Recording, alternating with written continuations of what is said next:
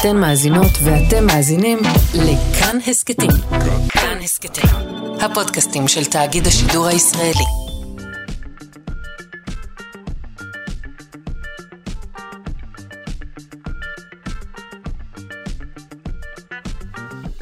שלושה שיודעים.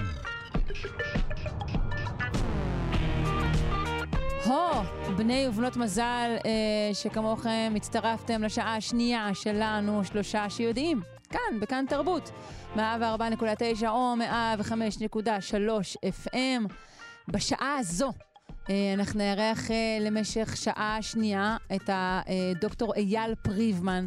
הוא אנטומולוג והוא חוקר אבולוציה של חרקים חברתיים, והוא ידבר איתנו כאן על אה, חרקים חברתיים. זה יהיה מרתק. העורך שלנו הוא רז חסון, המפיקה תמר בנימין, אל הביצוע הטכני אלון מקלר, אני שרון קנטור. אם אתם משום מה נאלצים לסגור כעת את הרדיו, אל חשש, ניתן להאזין לנו גם בערב בשידור החוזר, או בצורה של הסכת ביישומון של כאן. בואו נתחיל.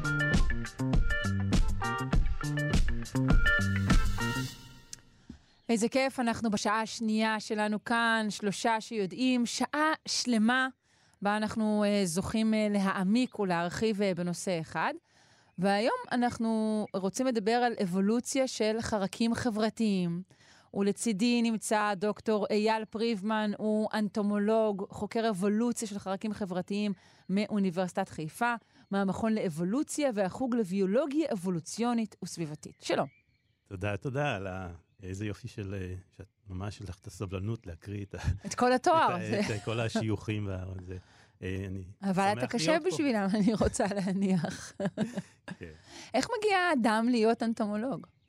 או, זו שאלה טובה. יש כל מיני אנטומולוגים, ובמקרה השבוע היה אצלנו בחיפה, בועז יובל, ואז הוא הוצג בתור אנטמולוג אמיתי. שזה להבדיל מאנטמולוגים אחרים שהם לאו דווקא רגע, אנטמולוגים. רגע, פה אני קיבלתי חיקוי? אני רוצה להבין.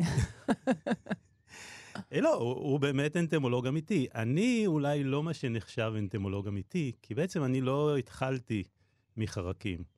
אה, לא הייתי אחד מהילדים האלה שרודף אחרי חיפושיות מגיל ארבע, אלא בעצם כל הלימודים שלי, עד סוף הדוקטורט, בכלל לא התעסקתי בחרקים, אפילו לא היה, אי אפשר היה לקרוא לי זואולוג. אלא אני עבדתי, ישבתי על המחשב כל, ה, כל הלימודים. אני מה שנקרא ביו-אינפורמטיקאי. כלומר, עבדתי על רצפים של DNA, על אבולוציה של גנים, אבל לא התעסקתי עם חיות אמיתיות. ורק אחרי הדוקטורט בעצם החלטתי להיכנס לנושא הזה של, ה, שזה היה לפני יותר מעשר שנים, אבל... אבל זה מוזר, אני, אני מתארת אדם שנמצא רוב הזמן בדלת אמות, במרחב מלאכותי יחסית, ולפתע אחרי הדוקטורט... כן, עם כן. כן. אה, ולפתע אחרי הדוקטורט פתאום אה, פותח את הדלת. חשק לי ללכת ולחפור נמלים בחוף הים. לא, לא נכון. מה היה שם? לא, אז מה, ש, מה שמשך אותי לתחום של הנמלים, או החרקים החברתיים באופן כללי, זה השאלה האבולוציונית המדהימה אה, של החברתיות. כלומר, מה זה... קודם כל, כשמסתכלים על, על בעלי חיים בכלל וחרקים חברתיים במיוחד, אז אפשר לשאול, אוקיי, מה זה הדבר הטובה הזאת של חברתיות? למה בכלל חיות רוצות לעשות דברים ביחד, לשתף פעולה? וזה מגיע לקיצוניות אצל החרקים החברתיים, לרמה מאוד מאוד אה, גבוהה, מאוד מפותחת. וזאת שאלה אבולוציונית מרתקת. כלומר, איך באבולוציה מתפתחת חברתיות, מתפתחת ההתנהגות החברתית, היכולת בכלל של, של פרטים לתקשר, לתאם, לעבוד ביחד. אה, לבנות חברות מורכבות שגדולות יותר ויותר, בהתחלה אולי עשרה, מאה, אלף, ובסוף גם מיליונים ו, ויותר של פרטים ש, שצריכים להיות, לעבוד ביחד, mm-hmm. כן. מה בין החברתיות מהסוג הזה לחברתיות אה, כפי שאנחנו, בני האדם, אה, חווים אותה או מגדירים אותה? אז יפה, זה, זה גם כן מאוד לא טריוויאלי להגדיר בכלל מה אנחנו מחשיבים כחברתי, כי בעצם קשה לחשוב על יצור חי, על בעל חיים, איזושהי חיה שאין לה שום חברתיות. כל חיה, יש לה מדי פעם אינטראקציות עם פרטים אחרים מאותו המין. אנחנו מדברים על אינטראקציות לא בין אה, דג ולוויתן, או בין כריש ולא יודע מה, אלא בין שני פרטים מאותו מין. וכמובן שכל החיות עושות את זה במידה כזו או אחרת, אבל יש חיות שהן יותר חברתיות, יש חיות שהן פחות. נגיד, כלבים וחתולים זה, זה קלאסי, כי כולם מכירים כלבים וחתולים, אנחנו יודעים שהזאבים הכלבים בבר, בטבע, הם אה, חיים בלהקות מאוד חברתיים. ולעומת זאת החתולים יותר אוהבים להיות ככה. זה לא שחתול לעולם לא... דווקא החתולים הם זאבים בודדים יחסית. כן, בדיוק. אז, אה, אז זאבים הם לא בודדים, כן. לפעמים יש זאב בודד, אבל זה דווקא החריג, זה כן, משהו שהוא זה ההוא מושך תשומת לב. מן רגע, מה הלהקה. כן.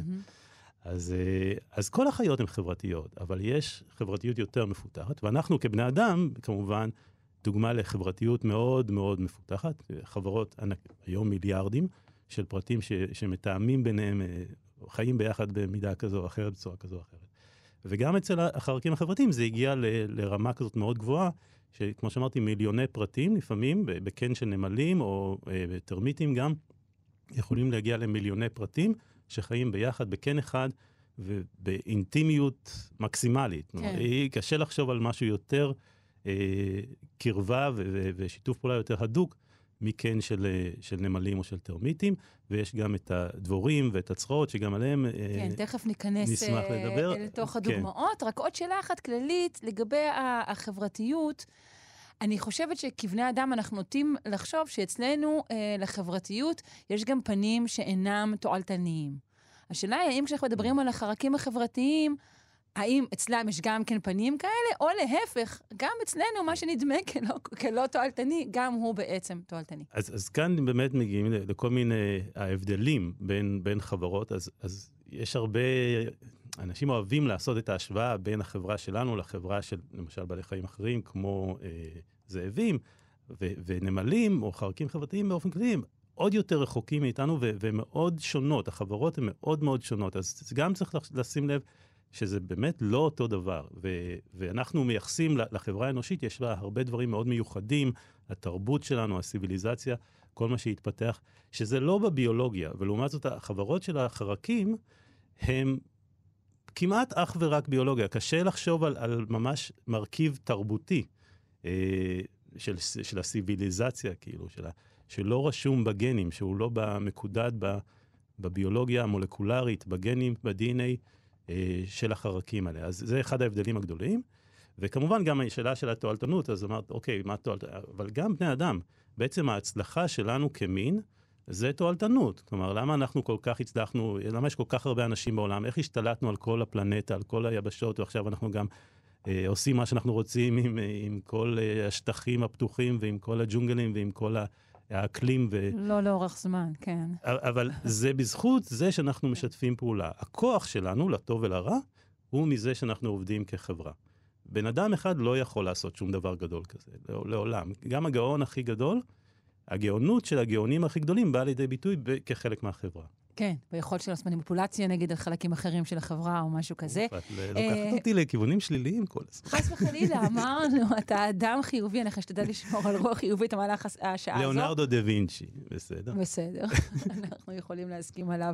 אה, לפני שנצלול אה, לעולם הדוגמאות, השיר שהבאת, נזכיר שאיתנו כאן נמצא דוקטור אייל פריבמן, שהוא אנטומולוג, חוקר אבולוציה של חלקים, חרקים חברתיים מאוניברסיטת חיפה, מהמכון לאבולוציה והחוג לביולוגיה אבולוציונית וסביבתית.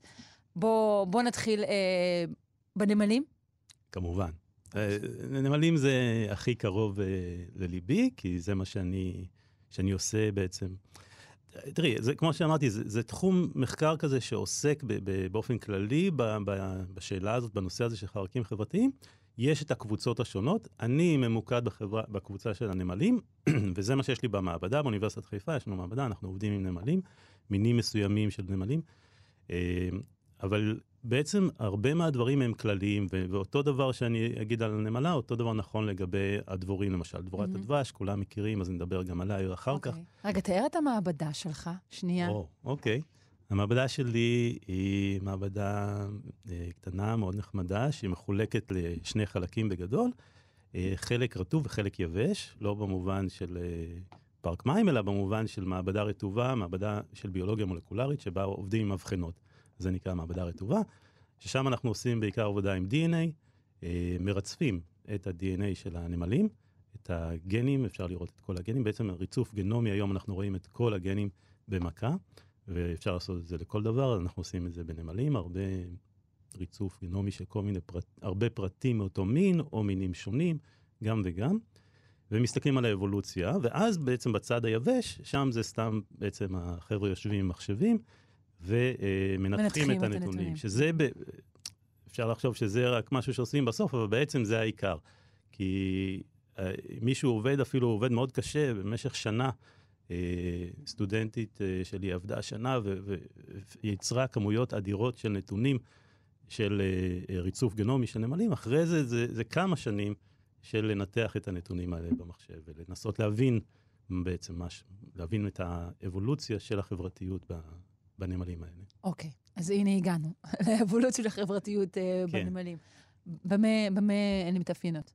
אז אוקיי, אז מה שאולי אה, הכי ככה ברור לכ- לכולם, גם מי שלא לא התעניין מימיו בנמלים, כולם יודעים שיש המון נמלים, נכון? כן. כל ילד רואה אותם בכל מקום, אנחנו רואים אותם בכל מקום שאנחנו הולכים, בארץ כמובן, אבל בכל מקום, כמעט בכל מקום. באנטארקטיקה לא תמצאי נמלים. אני אבל... יכולה לעניין אותך בפתגם שהמצאתי?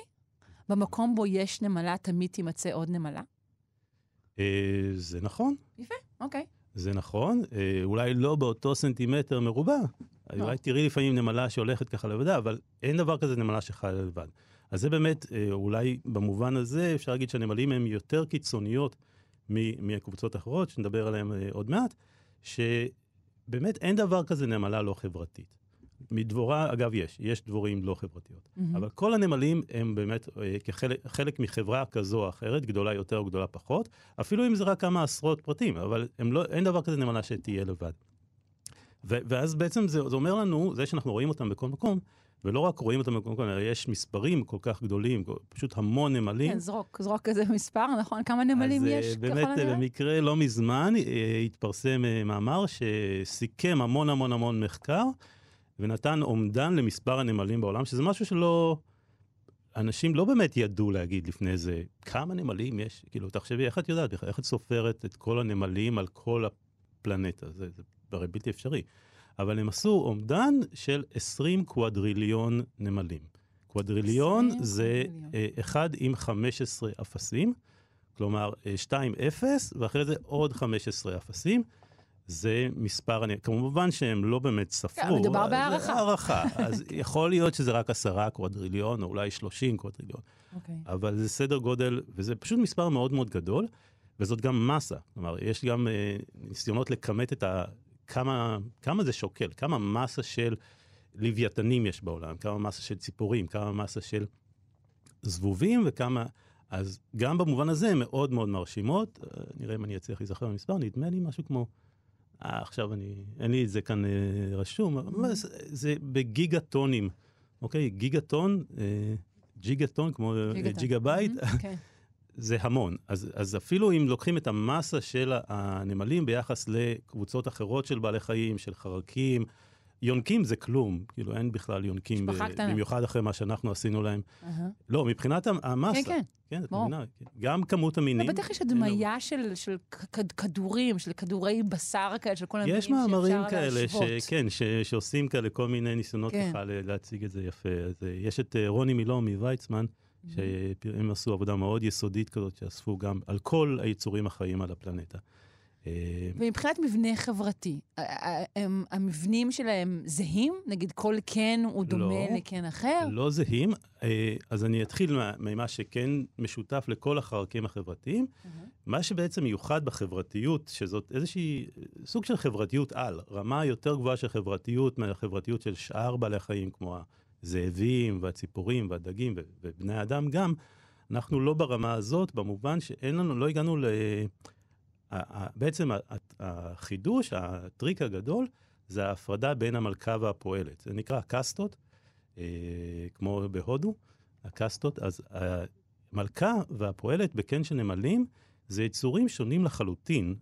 ברוב המינים את ממש תראי את ההבדל, גם בגודל, אבל לא רק הגודל. זה פשוט חיה אחרת. וההפרדה היא כמובן שהמלכה מתרבה והפועלת לא. אבל מה זאת אומרת חיה אחרת? היא כן צאצא, המלכה היא כן צאצאית. כמובן, כן. זאת אימא ובת. כן. מבחינה גנטית, בעצם מבחינה גנטית אה, אין שום הבדל. ברוב החרקים החברתיים, ש, שיש לי עכשיו ביצה של נקבה, של נמלה, או גם דבורה, לא משנה, אז יכולה להתפתח ממנה מלכה ויכולה להתפתח ממנה פועלת. אז בעצם זה בדיוק אותו, אותו הנקודת התחלה, אבל הן מתפתחות. לדברים מאוד מאוד שונים, כמו אה, סוס ופרה, כן? אוקיי. זה, זה ממש חיות שונות. והדבר המעמדי הזה זה חלק מרכזי פה בטריק של החברתיות, אתה כן, אומר? זה בעצם מה שהפך את החברתיות שלהם לכל כך אינטנסיבית, שהמלכ... שהרבייה היא אה, נתונה רק לפרט אחד, המלכה, והפועלות אה, לא מתרבות. ואז בעצם הפועלות הן מחויבות ב-100 אחוז ל- ל- לקולקטיב הזה, שהוא הקן, שזה בעצם משפחה. כן, זה כמו אצלנו משפחה של אה, אימא, אבא וילדים, רק שהילדים האלה, הם לא יצאו אף פעם לחיים עצמאיים ויקימו בית עצמאי ויעשו ילדים של עצמם, כמו אצלנו. ואצלנו לכ- לכל בן אדם, גם אם הוא בוחר לא לעשות את זה, שמורה הזכות להתרבות, והרבה, באמת, כמובן, רוב, רוב האנשים כן בוחרים לממש את הזכות הזאת לרבייה איש פרטית. אצל החלקים החברתיים בעצם הפועלות ויתרו על הזכות הזאת. אתה אומר מעמד, אבל זה קצת אה, זה כאילו... לא מעמד זה לא במובן מעמד, זה- זה- הסוציולוגי, זה לא, תפקוד לא, שונה. לא, כמובן. זהו, זה זה, מה, זה בחלוקה קסטה. ביולוגית, זה כן. משהו ביולוגי בהתפתחות, כמו אצלנו ההתפתחות העוברית, ש, שמתחילים מבוטן כזה, את יודעת, והופכים בסוף לבן אדם. אז בתהליך כלשהו, בשלב כלשהו בתהליך הזה, בהתפתחות של, ה, של הנמלה, או שהיא תתפתח להיות מלכה, או שהיא תתפתח זה, להיות... אבל גם אה, הכי- המינוח הזה, מלכה, גם הוא, אתה יודע, הוא צופן בתוך המשמעות. יכולנו לקרוא לה שפחת רבייה, ובכך היינו הופכים את, נכון, ה, את והאמת התפיסה שלנו על שלא פיה. חשבתי על זה, אבל זאת הצעה מאוד יפה. אה, אולי באמת אני אציע את זה לוועדות של הלשון העברית האקדמית, שישקלו להחליף את המינוח העברי מ... נכון, זה, וזה גם יותר מדויק, כי היא לא מלכה במובן שמלכת אנגליה, לא. טוב, מלכת אנגליה גם כן לא ממש אמרה לאף אחד מה לעשות, אבל... אה, לא כמו מלכים בהיסטוריה. אולי זה דווקא כן דומה למלכת אנגליה, אבל זהו, אם תחשבי על לואי ה-14, כן. שהוא היה מלך, לא מלכה, אבל לא חשוב. אה, האמת, זה כן חשוב. אפשר גם לדבר על העניין של, ה, של הזוויג, אה, של הזכר והנקבה כאן, כי בקן של נמלים כולן נקבות. גם המלכה נקבה וגם הפועלות נקבות. אז יש כאן אה, משהו, אבל בואו נדבר רגע כן. על העניין של המלוכה. היא לא, היא, לא, היא לא מקבלת שום החלטות, להפך. בעצם אפשר להגיד שהיא, כמו שאמרת, שפחה. שמי שמקבל את ההחלטות הן הפועלות, ואין איזה פועלת אחת, אלא זה איזושהי מערכת קולקטיבית, שבצורה כזה, כמו חוכמת ההמונים של הרשת ככה, מקבלות את ההחלטות, ואולי אפילו מכתיבות למלכה מה לעשות. כן. אבל בעצם המלכה... אבל גם לא, לה- אין, זהו, אנחנו קודם מחלקים את זה, אבל, אבל אנחנו קוראים לזה חברתיות, אבל זה לא כמו באמת מין איזה מוח על אחד. אפשר להגיד, כן, למרות שהמוחות הם לא באמת מחוברים, כן? זה, האנלוגיה הזאת היא מאוד יפה ויש בה משהו נכון, שבעצם אה, הנמלה לא חושבת אינדיבידואלית ומקבלת החלטות, אלא ה- הקולקטיב, קולקטיב. מחליט Mhm. הרשת. אבל אה, המוחות לא באמת מחוברים, אז אפשר לדמיין שאנחנו מחברים מחשבים, באינטרנט באמת המחשבים מחוברים. המוחות של הנמלים לא מחוברים. כל מוח הוא מוח כמו של כן. זבוב, או, או של אה, אה, עכבר, או של, אה, או של בן אדם. אנחנו מתקשרים במילים, כמו שאנחנו מדברים עכשיו. הנמלים מתקשרות בפרומונים, בעיקר בתקשורת כימית. יש להם שפה עשירה מאוד יחסית לחלקים אחרים של אה, מסרים כימיים שהם מעבירים. אז זה לא אותו דבר כמו שממש תח- תש- תחברי בכבל מחשב אחד למחשב אחר. הן צריכות איכשהו לתאם את עצמן כן. כן. בתקשורת יותר, אה, יותר מוגבלת מתקשורת של נוירונים במוח. אז, אז אמרנו שיש אה, מלכה, או שפחת רבייה בשמה החדש, אה, ושיש אה, פועלות. אה, מה עוד בונה את, ה, את החברתיות? נגיד, מה, מה משמעותו של המשק המשותף הזה, ש, שהוא כן? שהן עושות הכל ביחד. רק אולי נזכיר את, את הזכר, כי, נכון, כי כן נזכיר יש אבא. כן. מה, צריך אצלם, האמת שלא תמיד, אבל אה, אצל רוב הנמלים יש אבא. אבא, לא תמצאי אותו, אם תחפרי את הקן ככה סתם, לא תמצאי זכרים. יש את הזכרים פעם בשנה בעונת הרבייה, כן. שמייצרים, נולדות מלכות חדשות וזכרים חדשים, ואז הם, יש להם כנפיים, והם יוצאות, ויוצאים, יוצאות, עפים ו- ומזדווגים, וזה מה שנקרא מעוף הכלולות, זה קורה פעם בשנה, נגיד באביב, תלוי באיזה מין זה. ואז אה, המלכות החדשות מקימות קינים חדשים, והזכר יכול למות יום אחרי זה, אין לו יותר ערך. אז הוא בעצם רק איזשהו כזה טיל שמשגר את, ה, את הזרע מהקן האם, שהאימא שלו, איפה שהוא נולד, לאיזושהי מלכה, אה, שהוא מוצא מלכה חדשה, כנראה מקן אחר, אה, בתולה, מזדווגים, ואז זהו, הוא העביר את המטען הגנטי ואין לו יותר תפקיד. אז כשאתה אומר יכול למות, אתה מתכוון שהוא מת תמיד? אני לא רוצה או- ל- להכריז שהוא חייב לא, למות אבל הוא באותו יכול יום. נגיד לחזור ולהיות מוזן בקן? לא, לא, לא, לא. זהו. לא, אוקיי. אין לו שום ערך. גורלו בעצם נחרץ. אולי הוא יחיה עוד יומיים, לא. אם אני אופטימי. בסדר. אז זהו, אז, אז, אז באמת, אז מה, אז מה המשמעות של החברותיות? החברותיות זה שהם עושים הכל ביחד. שהן אה, אה, עובדות אה, ביחד, שהן אה, בונות את הקן ביחד, יוצאות כמובן לאסוף מזון, לשחרור אה, של מזון, תלוי באיזה מין, מה הן עושות, אה, מה הן אוכלות. אה, אבל הכל, כמובן, אה, מגנות, הגנה, זה מאוד חשוב. כי קן של אה, חרקים חברתיים, מטבעו, בגלל שהוא כל כך מצליח, וזה מה שניסיתי בעצם, אולי לא אמרתי קודם, המשמעות של זה שיש כל כך הרבה נמלים, זה שהן מאוד מצליחות. כלומר, אנחנו כחוקרי אק- אקולוגיה ואבולוציה, אנחנו מסתכלים על המערכת האקולוגית, אנחנו רואים שיש המון אה, מסוג מסוים של איזשהו יצור חי, אז זה אומר שהם עושים משהו נכון. כן. ואז כמובן ההסבר שתמיד מציעים זה החברתיות, שבזכות החברתיות הזו זה נותן להם יתרון. עכשיו, אם יש להם יתרון על פני החיות האחרות שהן פחות חברתיות, אולי חברתיות, אבל פחות, לא חברתיות על, אז אה, הן יכולות להתפתות, אולי "אה, בואו ניכנס לאיזה קן של נמלים ונגנוב קצת מה, מהאוכל שימגרו להם לחורף, נכון? אז צריכות להגן על הקן.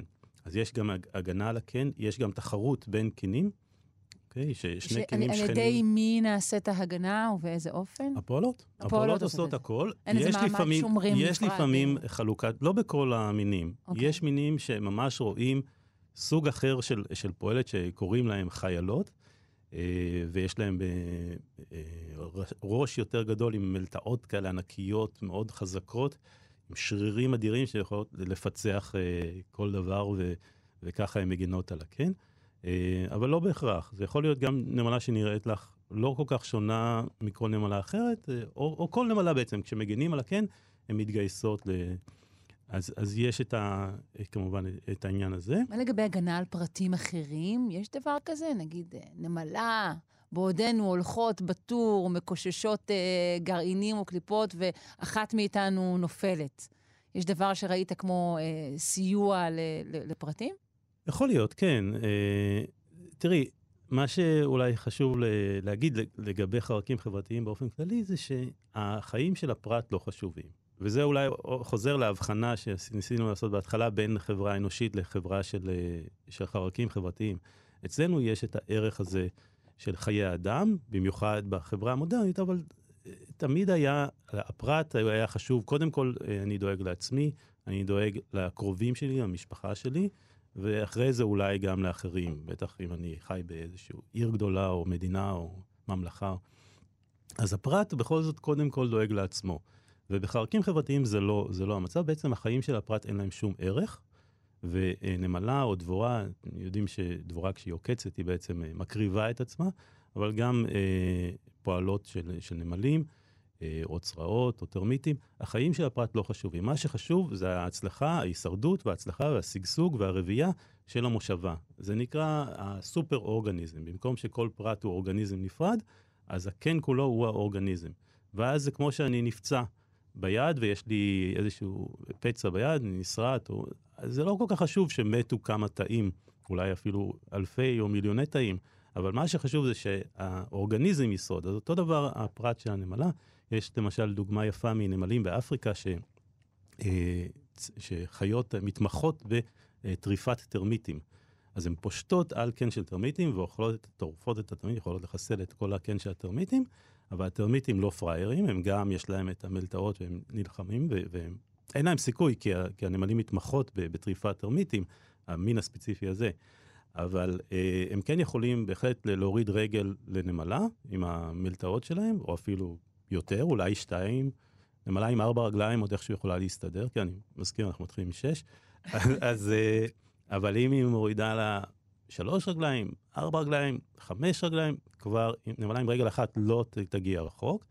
אבל יש פצועות, ואז רואים שהחברות שה, שלהן, ה, אם תסתכלי על זה באנלוגיה של קרב, mm-hmm. כן, בין שני צבאות, אז החיילת ת, תסחוב את הפצועה חזרה לקן, ו, ואפילו מעניקות להם טיפול רפואי, כי עשו ניסויים וראו ש, שבלי טיפול רפואי, נמלה שאיבדה רגל, היא יכולה להסתדר בלי רגל, היא יכולה ללכת, אין לה בעיה, אבל היא תמות מה... מה... מזיהום, אינפקציה חיידקית. אז בעצם הסכנה מספר אחת זה שהפצע מזדהם, הגדם של הרגל שנקרתה. אז הן מטפלות בגדם, מחטאות אותו אה, עם הפה, עם הרוק שלהם, אה, כמו שלנו יש ברוק חומרים אה, אנטי-בקטריאליים, וככה הן אה, אה, יכולות אה, בעצם להציל חיים של הפצועות. אז יש כזה, ומעניין שהם יעשו את זה לנמלה שאיבדה רגל אחת או שתיים, אבל נמלה שאיבדה שלוש או ארבע רגליים, או חמש, זה אבוד. אז אין מה לא- להשקיע לא פה. לא יהיה- כן. ו- ולא רק שהחובשת לא תקדיש לה זמן, אלא גם הפצועה תגיד, יאללה, עזבי אותי, אין טעם. שזה כמובן מאוד שונה מחיילים של בני אדם שנפצעים בקרב, שהפצוע, גם אם הוא יאבד את שתי הרגליים ו- ונגיד יהיה אחרי זה עול על החברה, עדיין אה, גם הוא עצמו וגם החברה, אנחנו כחברה רוצים להציל את החיים שלו ויש לזה ערך בעינינו. הנמלים זה תועלתנות. אם, אם הנמלה הזאת יכולה להמשיך לעבוד בלי רגל ולהיות מועילה לחברה, אז כן, שווה לפנות אותה משדה הקרב ולטפל בה ולהציל את החיים שלה, אבל אם לא, אז לא. אם אני ממשיכה להעניש, זה לא רק, יש בזה גם איזה אלמנט של כזה הירואיות ספרטנית אה, די, די מרשימה. אני מתרשמת. הקרבה עצמית, כן, כן. כן, הן אה, לוקחות את זה לקיצוניות. אה, בואו נדבר על עניינים חקלאיים וכלכליים, איך העסק הזה מתנהל. כן, אז במקרה דיברנו לפני שלשום. נכון, על ההדברה. כן, על איך החקלאיות שמגדלות גנים של פטריות מדבירות. אז זה דוגמה אחת לחקלאות ב, בנמלים, שמינים מסוימים של, חק, של נמלים מגדלות פטריות שלהם. אגב, לא רק אה, נמלים, יש גם טרמיטים שעושים משהו מאוד דומה. יש להם פטריות מיוחדות, זה בעצם זן מתורבת של פטריה, כמו החיטה המתורבתת שלנו, שלקחנו את חיטת הבר לפני משהו כמו עשרת אלפים שנה. אגב, זה קרה פה, באזור שלנו, יש לנו אנשים... אה, אה, במכון לאבולוציה בחיפה, שחוקרים את הנושא הזה של איך תורבתה חיטת הבר לחיטת הלחם. אז אותו דבר, הנמלים עשו את זה, רק שהם עשו את זה לפני עשרות מיליוני שנים. לקחו איזושהי פטריית בר ותרבטו אותה. אז זו דוגמה אחת, אבל אפשר להביא עוד דוגמאות, למשל, אה, כנימות. אה, הרבה מינים של נמלים בעצם מגדלים כנימות, מטפחים, רואים כנימות כמו שאנחנו רואים אה, צאן ובקר, אה, וכמו שאנחנו נחלוב את הפרה או את, את העז, אז גם הנמלים בעצם חולבות את ה... זה לא ממש חלב, זה איזשהו אה, נוזל אה, סוכרי, פשוט מי סוכר, שהכנימות, הרי הכנימות חיות על הצמחים. כל מי שחובב גננות יודע שהכנימות זה אויב מספר אחת, שהן אה, יכולות אה, ממש לגרום נזקים אדירים ל... לצמחים, כי הן בעצם מוצצות את ה... כמו יתושים שלנו, אז הם היתושים של הצמחים. אה, ויש להם אה, עודפים של סוכר שאין להם מה לעשות איתן. אז הן מוכנות לחלוק את הסוכר שהן מוציאות מהצמח עם הנמלה. לא, תשאל את האיגוד אה, זכויות הכנימה, אני לא בטוחה שהם יגידו לך שיש להם עודפים ומעוניינות לחלוק. תראי, זו שאלה אה, שהיא נכונה לגבי כל אה, סוג של סימביוזה שאנחנו כן. רואים בטבע. בעצם סימביוזה זה מונח מאוד אה, אה, אה, פופולרי ומוכר, וכולם אוהבים את הרעיון הזה שרואים את הדג שמנקה את כן. השיניים, או את הציפור שמנקה את הבקר, השיניים שלה. כן, נכון.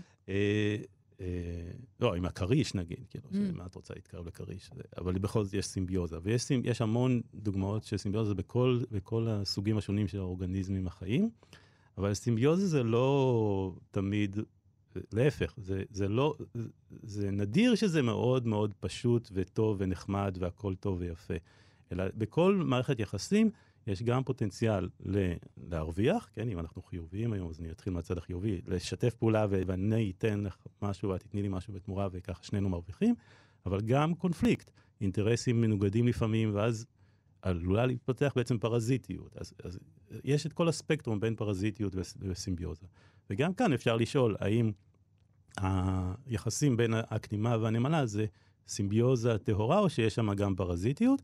הכנימה כן מרוויחה, ואני יכול, אה, אפשר אפילו לראות דוגמאות, יש, ביוטיוב יש אינסוף דברים נפלאים, למשל אה, חיפושיות, שהן אה, טורפות העל, כן, זה כמו האריה בסוואנה, אז זו חיפושית כזאת רצינית, גדולה, מסיבית, חזקה, שמסתובבת לה על הצמח וטורפת לה את הכנימות כאוות נפשה, ואז הנמלים באות ומגנות על הכנימות שלהם, כמו רואה ה- הכבשים מגן על, הכב- על העדר מהזאב.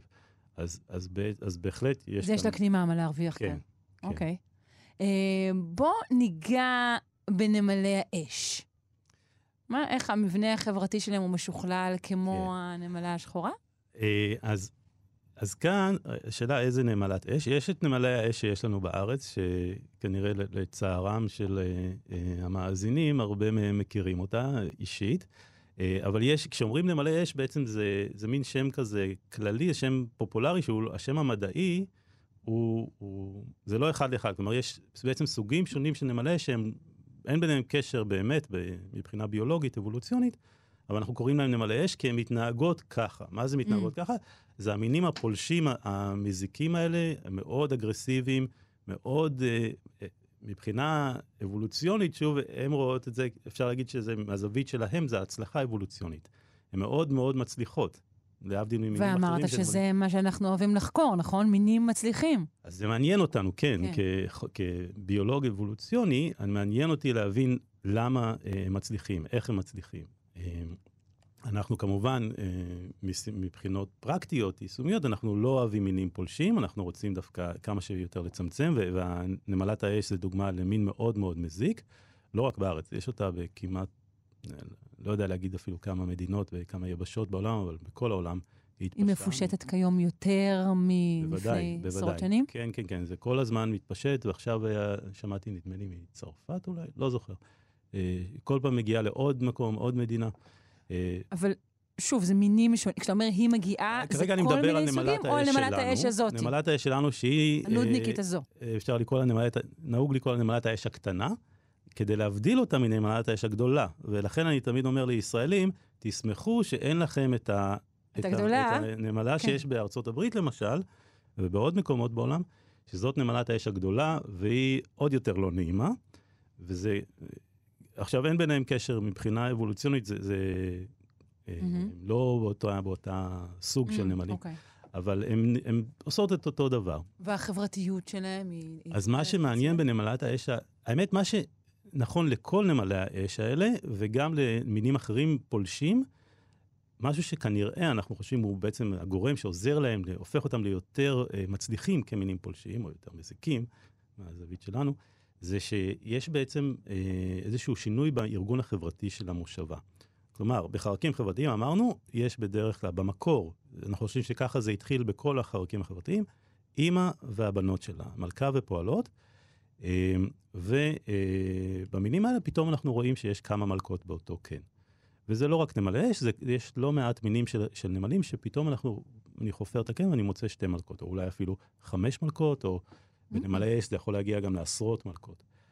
וזה שינוי די דרמטי בארגון החברתי של המושבה. שהוא לא אומר רק אה, אה, השרצה או הולדת יתר, יש לזה עוד משמעויות. קודם כל, פשוט אפשר לייצר יותר ביצים. כן. כלומר, אם מלכה, יש לך רק מלכה אחת, את מוגבלת לקצב ייצור הביצים, והן מאוד טובות בלייצר, מלכה יכולה לייצר אלפי ומיליוני ביצים לאורך החיים הסתם שלה. חמש אה, עושות כן, פי חמש. כן. וחמישים עושות פי חמישים. כן. ולכן המינים האלה יכולים לבנות אוכלוסיות אדירות, מאוד מהר להשתלט על שטחים אה, מהר, כמו שראינו את נמלת האש הקטנה המתפשטת בארץ, לאורך מספר לא גדול של שנים, כן. היא התפשטה בכל הארץ. אה, אבל זה גם כמובן משנה את, ה- את המבנה המשפחתי של מבנה ה... היררכי. כי בעצם במקור, כל קן של חרקים חברתיים הוא, הוא משפחה. אימא והבנות שלה, והן כולן אחיות, ו... אז אנחנו גם מכירים את זה כבני אדם. יש לנו יחס מאוד שונה לאחות או לאח אה, ולאימא, מאשר למישהו שהוא לא קרוב משפחה שלנו. אה, וזה מה שקורה במינים האלה, שהמלכות הן אולי יכולות להיות קרובות משפחה, אבל לאו דווקא, יכולות להיות מלכות, שתי מלכות שאין ביניהן שום קרבה משפחתית משמעותית. אולי, אתה יודע, דודה שלישית, בת דודה מדרגה רביעית, לא באמת קרובות משפחה, והבנות שלהם הן בטח לא אה, אחיות, ו- וזה מאוד משנה את ה... למה בכלל הן משתפות פעולה? כי אנחנו חושבים שה... לא דיברנו על זה, אבל בעצם ההסבר האבולוציוני להתפתחות של חברתיות בחרקים חברתיים, זה השיתוף פעולה בין קרובי משפחה.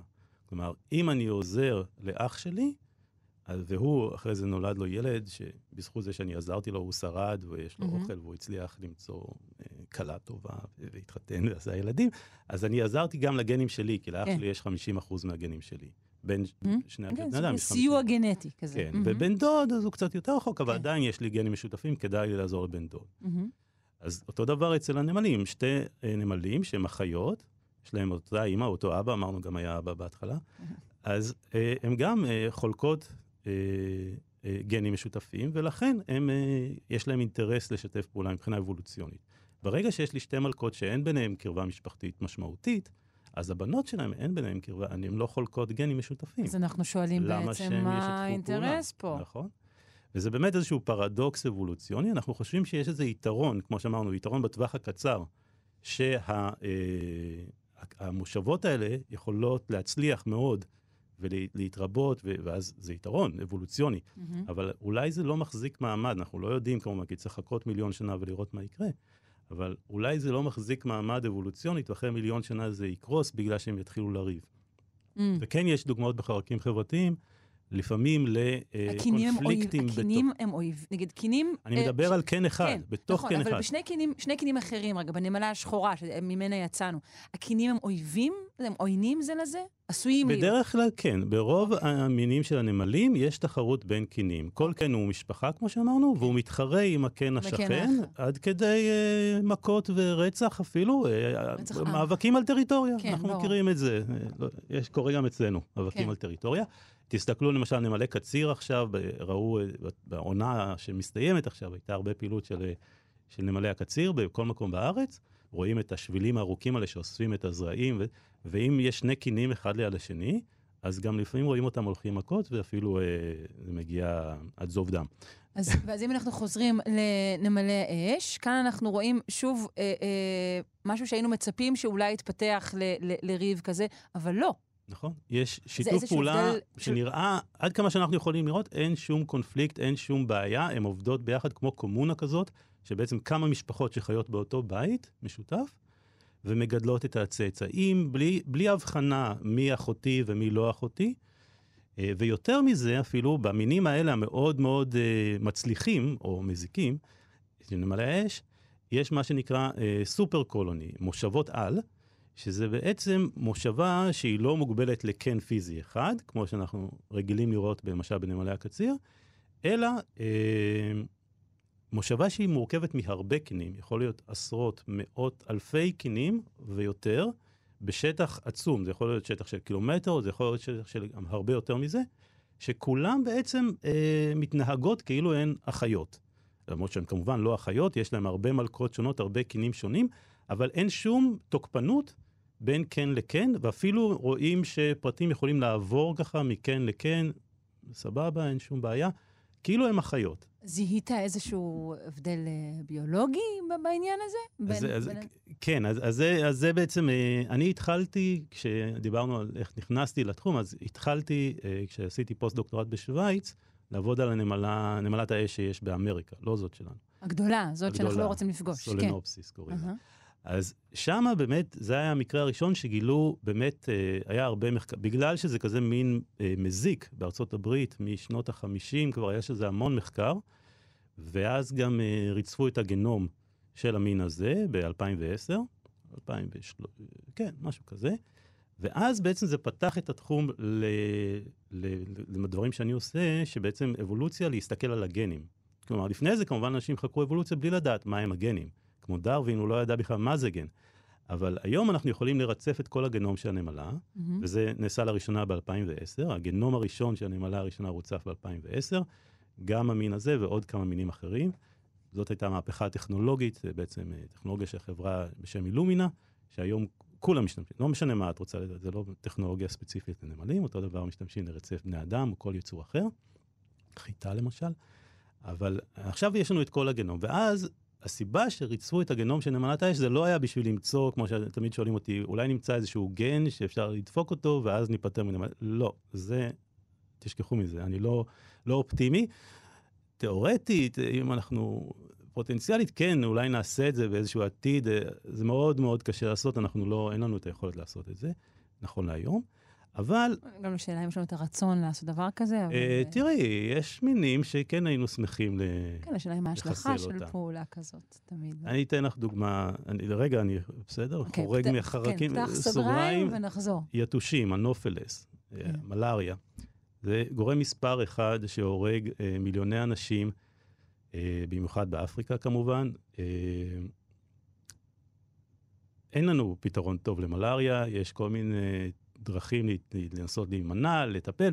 אנשים מתים ממלאריה, כל שנה מתים. זה מיליוני אנשים שמתים. שווה היה לחסל אותם אם גנטית, אם היינו מוצאים איזה לך, פתרון כזה. לך יש כפתור, שאת לוחצת עליו, וכל היתושים מהמין הזה, של האנופלס, רק, היתו, רק המין הזה, יש עוד מינים אחרים של יתושים, נשאיר אותם בחיים, לא ניגע בהם. אבל אם את יכולה לכבות את המין הזה עכשיו, להכחיד אותו, בלחיצת כפתור, עושה את זה או לא עושה את זה? אוי, לא, שאלה, שאלת מוסר, אני שונאת שאלות מוסר. אז בוא נשאיר את זה ל- מי יודע, אולי למאזינים. ההשלכה של זה אולי תהיה איזו נעשה קריסה ביו- סקר של המאזינים, שזה יגידו האם להכחיד או לא להכחיד את האנופלס. אבל זו שאלה שבאמת חוקרים מתמודדים איתה היום, כי אנחנו אולי נמצאים עכשיו ומתחילים לפתח על, את על היכולות הסיפור של לעשות. דבר כזה, אבל אולי זה, אתה יודע, אולי זה יציל את המיליונים האלה, ואולי זה ייצר איזושהי קריסה ביולוגית שתכרית עוד הרבה... לא, לא. לא, אוקיי. לא נראה לי. לא לפחד, לא לפחד. אני לא, אבל אה, אתה יודע, דברי אולי עם איזה כזה אקולוג שומר סביבה כזה אמיתי, ולא ביולוג אבולוציוני כמוני, אז הוא יגיד לך, לא, לא, לא, אסור לעשות את זה, זה זה סכנה נוראית. אוקיי. יש בזה סיכון, כמובן כן. שיש בזה סיכון, אבל צריך לחשוב גם על מה שמונח על הצד השני של המאזניים. אוקיי. וכעת אה, נחזור אז נחזור לנמלי האש. אני לא חושב שאנחנו יכולים להשתמש בידע הגנטי שלנו, שאנחנו, עכשיו יש לנו המון נתונים, המון רצפים של גנים של נמלי אש, אבל לא, לא זאת המטרה. הסיבה ש, שבאמת זה אחד הגנומים הראשונים שרוצפו, של המין הזה, זה כדי להבין את הסיפור הזה של ה, זה שיש ריבוי מלכות. כי זה משהו מאוד מאוד דרמטי, וזה עניין אותנו בשל, בתור שאלה מדעית בסיסית, זה קיים רק אבולוציונית. אצלם? עוד חרקים לא, לא, לא. יש, יש אה, די הרבה מינים של נמלים, וגם חרקים חברתיים אחרים, ש, שמוצאים פתאום אה, יותר ממלכה אחת באותו, כן, באותה אה, מושבה, באופן כללי, אז, אז זה כן קורה.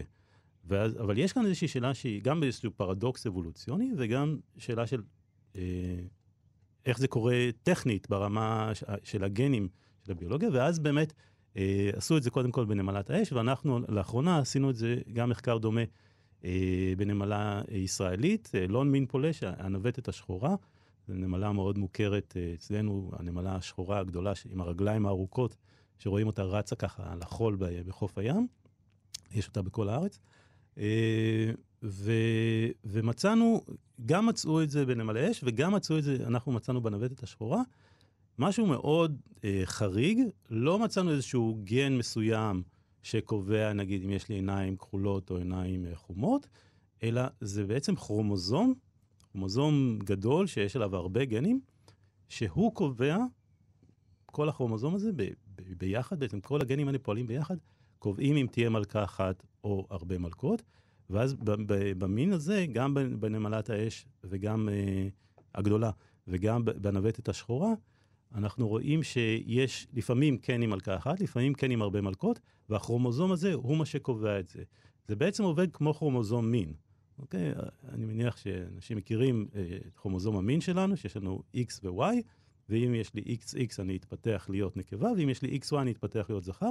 זה בעצם אותו דבר, רק שהכרומוזום הזה לא קובע את המין, הן כולן נקבות כמובן, אבל אם יש לה מלכה XX אז היא תלך ותקים כן לבד, והיא תהיה מושבה עם כן עם מלכה אחת, ואם יש לה XY אז היא תצטרף למלכות אחרות שיש להן XY, ותהיה מושבה רב-מלכתית.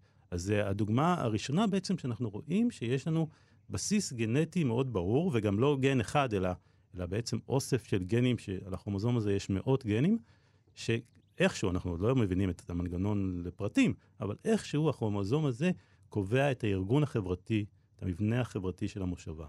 אוקיי. משהו מאוד, אה, שינוי מאוד דרמטי באבולוציה של המין הזה, של מינים שונים מהמם. של נמלים. אוקיי. אה, נזכיר למי שהצטרף אלינו שאנחנו עם הדוקטור אייל פריבמן, הוא אנטומולוג, חוקר אבולוציה של חרקים חברתיים מאוניברסיטת חיפה, מהמכון לאבולוציה והחוג לביולוגיה אבולוציונית וסביבתית. אה, במעט הדקות שנותרו לנו, כי תאמין, תאמין או לא, לא נשאר עוד הרבה, אה, תוכל לשטוח בקצרה הבדלים ודמיון בין מבנים חברתיים אצל נמלים לבין חרקים אחרים? נגיד, כי אה, דבורים, חייבים לדבר על קצראות. הדבורים. אתה תצטרך אבל ממש... אוקיי, אוקיי. הדבורה... בנפנוף של כנף. טוב, אנשים מכירים את דבורת הדבש, נכון. מכירים כולם יודעים. ויודעים שהיא גם מאוד מאוד חשובה לחקלאות, לא רק בגלל שהיא מייצרת את הדבש, אני לא יודע אם צריך לעשות פרסומת לדבש מקומי אה, שאנחנו מאוד אוהבים, אבל אנחנו אוהבים דבש, אבל יותר חשוב מהדבש זה ההאבקה. שירותי ההאבקה של הדבורים, דבורת הדבש, גם לחקלאות וגם בטבע. כלומר, יש לזה חשיבות אקולוגית אה, עצומה, ויש הרבה מינים של דבורים, לא רק דבורת הדבש, אלא יש בעצם אלפי מינים של דבורי בר. אה, גם בארץ יש הרבה מינים של דבורי בר, לא יודע בדיוק כמה, אבל בטח יש 100 או יותר. אה, ויש לזה חשיבות אדירה. מבחינת המבנה החברתי זה מאוד דומה. יש לנו מלכה, יש את הפועלות. אה, אולי דבורת הדבש, מעניין להזכיר את זה שהיא, אפשר להגיד, שיאנית בזה שהמלכה של דבורי הדבש מזדווגת עם המון זכרים.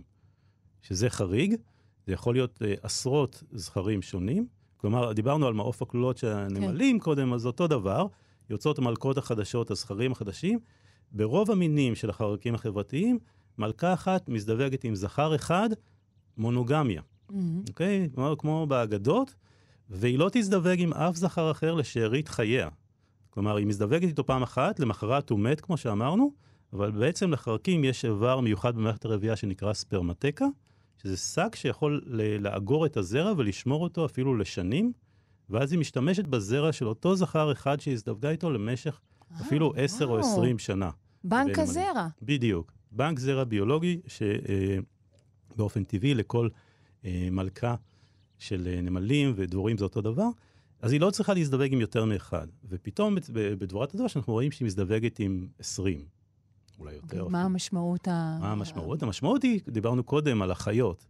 כשיש שתי אחיות Mm. בכוורת, אם הם, יש להם אותו אימא או אותו אבא, אה, אז הם 100 אחוז, הם אחיות מלאות. כן. אבל אם יש אבא אחר, ועכשיו יש 20 אבות שונים, אז יש כאלה שהם אחיות מלאות, יש כאלה שהם חצאי אחיות. אז הקרבה, זה כבר משפיע על הקרבה הגנטית, הקרבה המשפחתית. אבל מה, זה נות- זה נותן יתרון? העובדה שיש שם אה, עוד הרבה מאוד אז חצאי... דיברנו על זה אה, קודם בתור חיסרון, איפה זה כן יכול להיות יתרון? אז אחד, התיאוריה שמציעים, שנשמעת מאוד טוב, זה במובן של עמידות למחלות, למגפות. כי בעצם אם כל הפרטים מאוד מאוד דומים מבחינה גנטית, אין ביניהם הרבה הבדלים, אז אם עכשיו מגיע איזה וירוס, סתם תדמייני וירוס שפתאום מדביק המון המון המון פרטים באוכלוסייה, ויש לו יכולת הדבקה מטורפת, אז הוא מתפשט, ובגלל שיש המון המון אינטראקציה בין הפרטים, כן, חברה מאוד אינטימית, להבדיל מחתולים, שנפגוש עוד איזה חתול וידביק אותו, זה, אבל תחשבי שיש מטוסים בין יבשות שמטיסים דבורים, לא, אני מדבר על משהו אחר, סליחה, בלבלתי. אבל אה, יש אינטראקציה מאוד הדוקה בתוך הכוורת, וזה יכול לגרום להדבקה המונית, וכולם לא, פגיעים, כן. כל הפרטים פגיעים. אין עמידות למחלה, וכולם אה, יחלו וימותו והכוורת תקרוס. אז הדבורה ככה מייצרת מגוון גנטי שמגן בדיוק, אז באיזשהו אנחנו אופן על חושבים האוכלוסייה. שמגוון גנטי זה אחד היתרונות האפשריים, הוא יתרון מאוד מאוד חשוב של עמידות, במיוחד לחברות, עמידות בפני מגפות. וזה לא חייב להיות וירוס, זה יכול להיות כל סוג אחר של פתוגן או פרזיט. ובדבורים זה באמת, אה, יש הרבה אה, דיבור בשנים האחרונות, יש בעיה מאוד קשה של במיוחד דבורת הדבש, אבל גם אה, דבורים אחרות נפגעות, קריסה של כוורות. ואנחנו חושבים שזה בגלל אה, מחלות כמו וירוסים, למשל, ויש וירוס שהתגלה בארץ, שכולם קוראים לו הווירוס הישראלי, אבל הוא לא באמת, אנחנו המצאנו אותו, זה אנחנו גילינו אותו אה, בארץ, אבל הוא קיים בהרבה מקומות בעולם והוא פוגע, אבל לא רק, יש גם אה, טפילים ו- ו- ויש בעיה שחומרי הדברה, מה כן. שדיברנו שלשום, כן. חומרי הדברה כימיים שאנחנו מייצרים, שמאוד פוגעים בדבורים. אז זה אוסף של גורמים שבעצם יכול לגרום לקריסה. אז המגוון הגנטי של המושבה יכול להיות יתרון במובנים האלה. אבל המבנה החברתי, אתה מציין, הוא מבנה די דומה של אה, אה, חברתיות על שכזו. כן. אה, מה לגבי טרמיטים? המבנה אצלם דומה? אז יפה, אז אה, נמלים, דבורים וצרעות הן מאוד דומות. אוקיי? אה, בעצם אותו מבנה של המלכה וה, והבנות שלה. טרמיטים זה סיפור אחר לגמרי, ולא במקרה, כי בעצם טרמיטים הם אה, אה, קבוצה אחרת לגמרי של ה... אפשר להגיד ש, שכל הדבורים, הנמלים והצרעות הם משפחה אחת.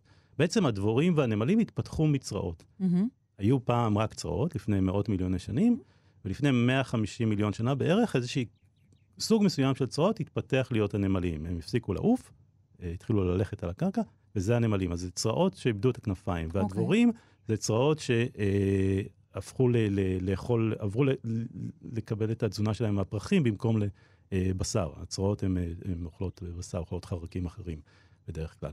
אז, אה, אז זה בעצם, הכל שייך למשפחת העל הזאת של הצרעות.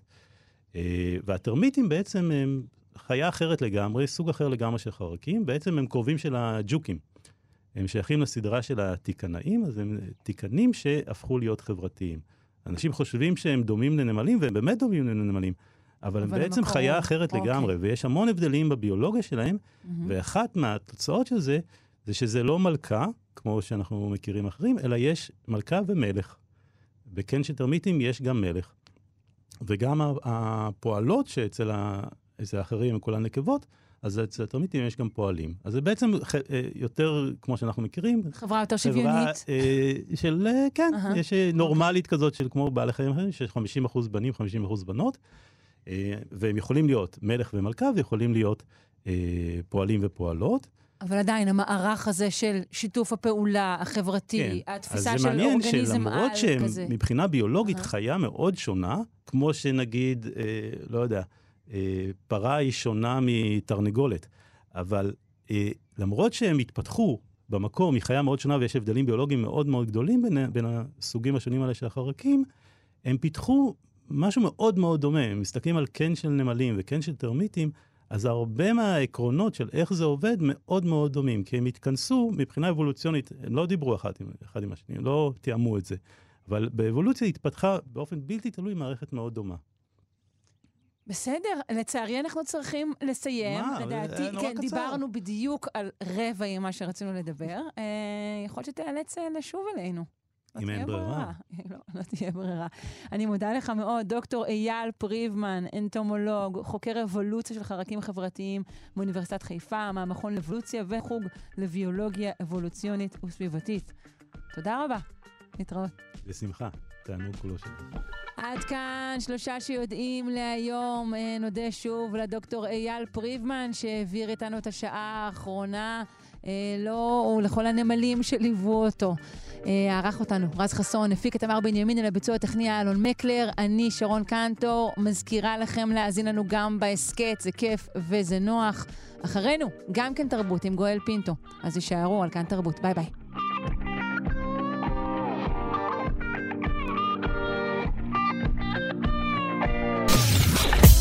אתן מאזינות ואתם מאזינים לכאן הסכתים. כאן הסכתים, הפודקאסטים של תאגיד השידור הישראלי.